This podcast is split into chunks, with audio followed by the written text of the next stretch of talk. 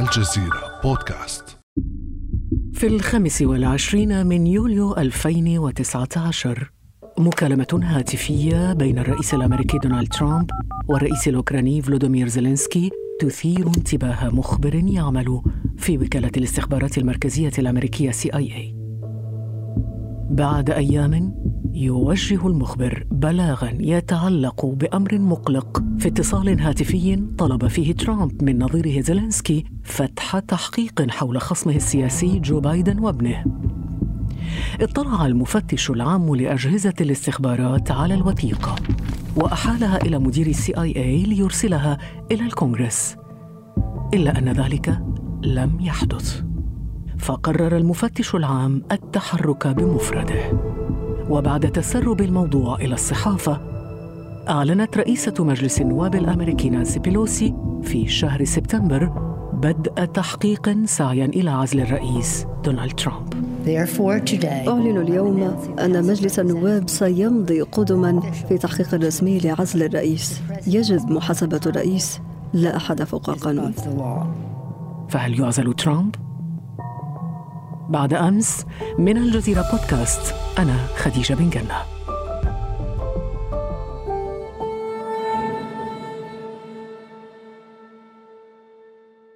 نرحب معنا اليوم بالزميل الصحفي والمدون زيد بنيامين أهلا بك. أهلا وسهلا. زيد آه هذه بالتأكيد ليست المحاولة الأولى لعزل رئيس أمريكي في تاريخ الولايات المتحدة الأمريكية، هناك محاولات آه قديمة. تحكي لنا قصة محاولات عزل رؤساء أمريكيين سابقين. عزل الرؤساء هي لعبة سياسية دائما بين فروع الحكم في الولايات المتحدة اللي هي القضاء والتشريع وال executive branch أو ما يسمى بالذراع التنفيذي للدولة فبدأت هذه العملية في عام 1868 مع الرئيس أندرو جونسون حينما تم سن قانون في ذلك الوقت يمنعه من تسمية وزير للحرب ولكن الرئيس قام في ذلك الوقت باتخاذ قرار بتسمية وزير جديد للحرب يعني مثيرا آه، غضب مجلس النواب ومجلس الشيوخ في ذلك الوقت ولكن في النهاية حتى بعد إجراء عملية ال impeachment أو العزل في النهاية وقفت إلى جانبه المحكمة العليا وقالت أن دوره هو تسمية وزير الحرب في ذلك الوقت. كان ذلك في عام 1868 ثم انتقلنا إلى عملية العزل الأخرى مع الرئيس نيكسون والتي كانت بناء على فكرة انه قيامه بتوجيه بعض من العاملين معه وتوجيه في الإدارة الأمريكية بطبيعة الحال بالتسلل إلى مقر الحزب الديمقراطي وزرع أجهزة تنصت. في ذلك الوقت بدأت عملية العزل من اللجنة القضائية في مجلس الشيوخ وهذا كان شيء نادر. فتم التحقيق في ذلك وتم تسريب الشريط الأخير الذي سمي بالرصاصه القاتلة الذي يتضمن صوت الرئيس وهو يوجه يعني مساعديه بالذهاب وزرع آه، أجهزة التنصت. لقد وافقت اللجنة القضائية بمجلس النواب للتو على أول لائحة اتهام لها ضد الرئيس نيكسون.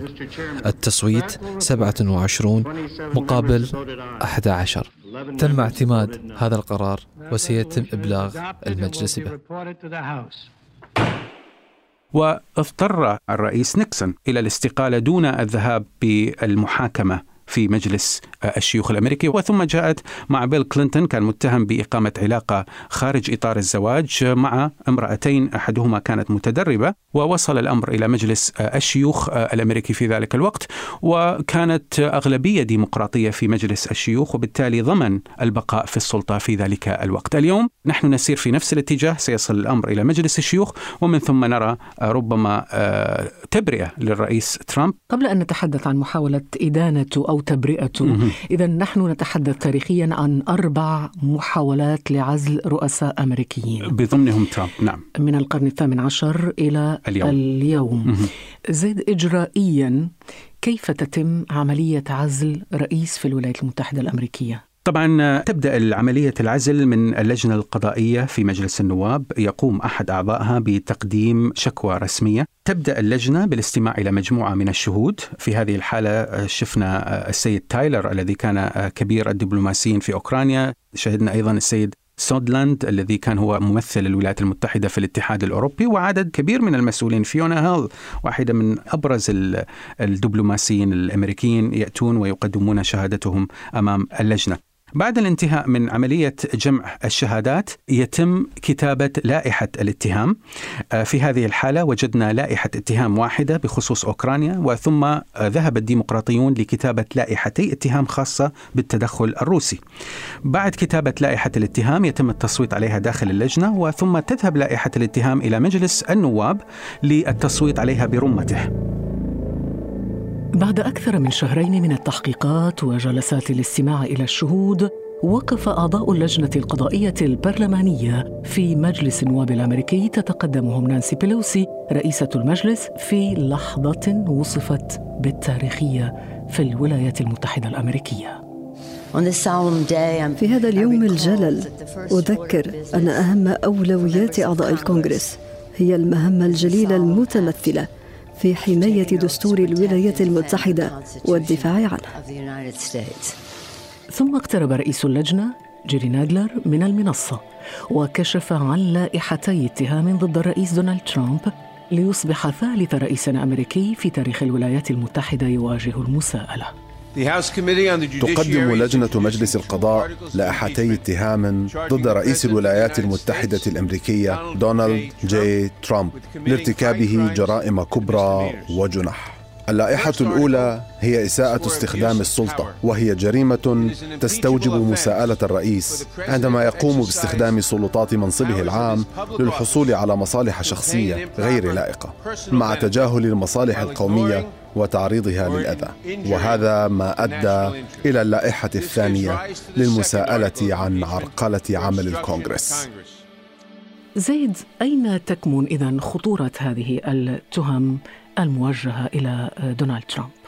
طبعا هناك لوائح اتهام وجهت إلى الرئيس ترامب، اللائحة الأولى هي خاصة بالاتصال الشهير آه، بالرئيس الأوكراني. هذه اللائحة تقول أن الرئيس حث الرئيس الأوكراني على تدخل بشكل عام في الانتخابات الأمريكية المقبلة. ما الذي جرى في هذا الاتصال؟ طبعا هو توقيت الاتصال شيء مضحك، جاء بعد يوم واحد من تبرئته في قضية مولر خاصة باتهامات وجهتها كبار المجتمع الاستخباري في الولايات المتحدة لروسيا بالتدخل التدخل في الانتخابات الأمريكية يعني خرج من من حفرة وادخل نفسه في حفرة أخرى. طبعا الاتصال هو كان نوع من الحث السلطات الأوكرانية على فتح التحقيق في ابن المرشح الديمقراطي الرئيسي في الانتخابات التمهيدية جو بايدن وأيضا جو بايدن تصرفاتهم في أوكرانيا. طبعا جرى التحقيق في فحوى الاتصال المكتوب وزارة العدل الأمريكية قالت أن الاتصال هو ليجتمت عادي في اليوم التالي صدر تصريح منه أمام أنصاره داعيا الصين وأوكرانيا للتحقيق في نشاطات بايدن وهنتر بايدن. فقط لنشرح للمستمع ما علاقة ابن جو بايدن بهذه القصة. في أوكرانيا في 2014 جرت ثورة. طبعا بدأ المجتمع الدولي بالدخول إلى أوكرانيا ومحاولة تقديم الدعم. طبعا الوجه الرئيسي في هذا الدعم كان نائب الرئيس آنذاك هو جو بايدن. في أوكرانيا جاءوا بابنه اللي هو هانتر بايدن ليكون عضوا في مجلس إدارة شركة بوريسما واحدة من أكبر شركات إنتاج الغاز وتصديره وما إلى ذلك. فالمشكلة التي بدأت أنه بعد الأشهر الأولى لاحظ المجتمع الغربي بشكل عام أن هناك حالات فساد كبيرة داخل أوكرانيا. يعني الولايات المتحدة كانت قد قررت تقديم تقريبا مليار دولار في ذلك الوقت لأوكرانيا فقررت الوقف مقابل أن يقوم المدعي العام بالتحقيق في حالات الفساد الكبيرة من ضمنها شركة بريزما التي كان هنتر عضو فيها. فشل المدعي العام الأول تسبب في خروجه وجاء مدعي عام ثاني لم يفتح التحقيقات بحلول 2006 قرر الاتحاد الأوروبي والولايات المتحدة أنه قد حان الوقت لإقالة المدعي العام الموجود والاتيان بمدعي عام جديد. فحينما جاء المدعي العام الجديد هنا الرئيس ترامب تدخل وصادف أن هناك أيضا معونة عسكرية أمريكية توقفت في ذلك الوقت فتم الربط بينها بين إيقافها وبين قرار الرئيس ترامب للمقايضة نعم من أجل نعم دفع هذا. الأسلوب لم يكن هناك دليل عليه في لكن الفساد. رسميا هناك تهمتان نعم. موجهتان لترامب طبعا حينما نظر الديمقراطيون إلى هذه اللائحة وجدوا أنهم ارتكبوا خطا لأنه وفق الدستور الأمريكي من حقك عزل الرئيس ولكن هذا لا يعني أنه لا يحق له الترشح في الانتخابات المقبلة. فبالتالي آه، هناك من يدعو حتى داخل لو أدين؟ حتى لو أدين سيتم إقالته لأنه عملية الإمبيتشمنت تسمية الإمبيتشمنت باللغة العربية هي العملية السياسية لإزالة مسؤول من منصب في الدولة. هو إزالة وليست تجريما قضائيا. ولا تمنعه من الترشح. ولا تمنعه من ولكن الترشح. تخدش سمعته عند بالفعل. الناخبين ولكن بعد عشرة أشهر في كل الأحوال نحن لدينا انتخابات بعد عشرة أشهر. فطن الديمقراطيون لهذا الخلل قاموا بتقديم دعوتين لائحتي اتهام تفصيليتين حول احتقار الكونغرس ومحاولة آه، استغلال السلطة إساءة استخدام السلطة ماذا كتبوا في هاتين اللائحتين؟ قالوا أن الرئيس يمثل خطرا على الحكم في الولايات المتحدة وبالتالي لا يمكن أن يستمر في الحكم فبالتالي منعوه رسميا من الترشح في الانتخابات المقبلة 2020 ما الفرق بين اللائحة الأولى واللائحتين؟ اللائحة الأولى يتم إدانة الرئيس بأغلبية الثلثين حينما يتم طبعا حاليا مجلس الشيوخ مكون من 45 ديمقراطي اثنين مستقلين ويحتاجون إلى 20 جمهوريا وهذا شيء شبه مستحيل لإدانة الرئيس.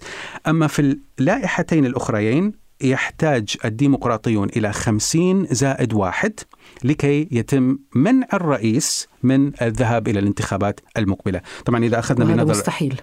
والله هذا أكثر ترجيحا ولكنه أيضا مستحيل لأنه لدينا يعني حزب جمهوري صلد لحد الآن لم نسمع عن أي انشقاق داخل الحزب الجمهوري فيبدو ترامب كأنه فعلا قط أبو سبع أرواح. بطبيعة يعني الحال. نجا من المحاولة الأولى فيما يتعلق بتحقيق مولر والتدخل الروسي في الانتخابات السابقة.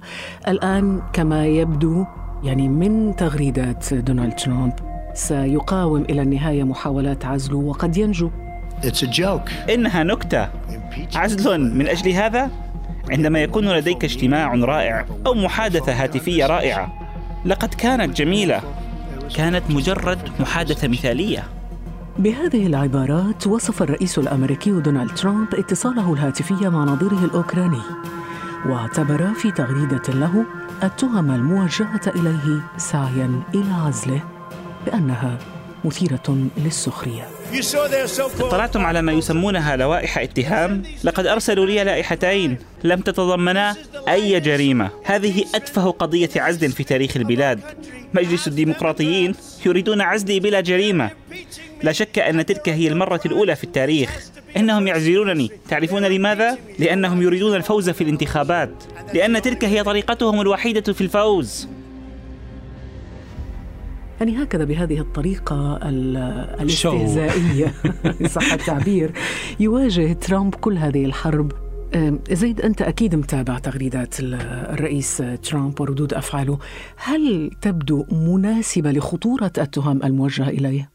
بطبيعة الحال إذا أخذنا رئيس تقليدي بشكل عام هذه ليست طريقة الرد الصحيحة بل هو في أكثر من مناسبة تسبب في تفاقم الأمور عليه. وأبرز مثال حينما تحدث عن أنه لماذا لا تتدخل أوكرانيا و- والصين آه، وتحقق في في جو بايدن. لكننا يجب أن نفهم أن هذا الرئيس مختلف تماما. رجل تلفزيون بالدرجة الأولى يعني يستطيع تغيير المسار الحديث الإعلامي داخل بلده بقوة. من خلال استخدام تويتر واستخدام هذه العبارات سليبي آه، بايدن آه، المجنونة نانسي بيلوسي وغيرها من العبارات وال- والمحادثة أيضا مع مع الرئيس الأوكراني بأنها كانت مثالية, مثالية وبريئة. بريئة.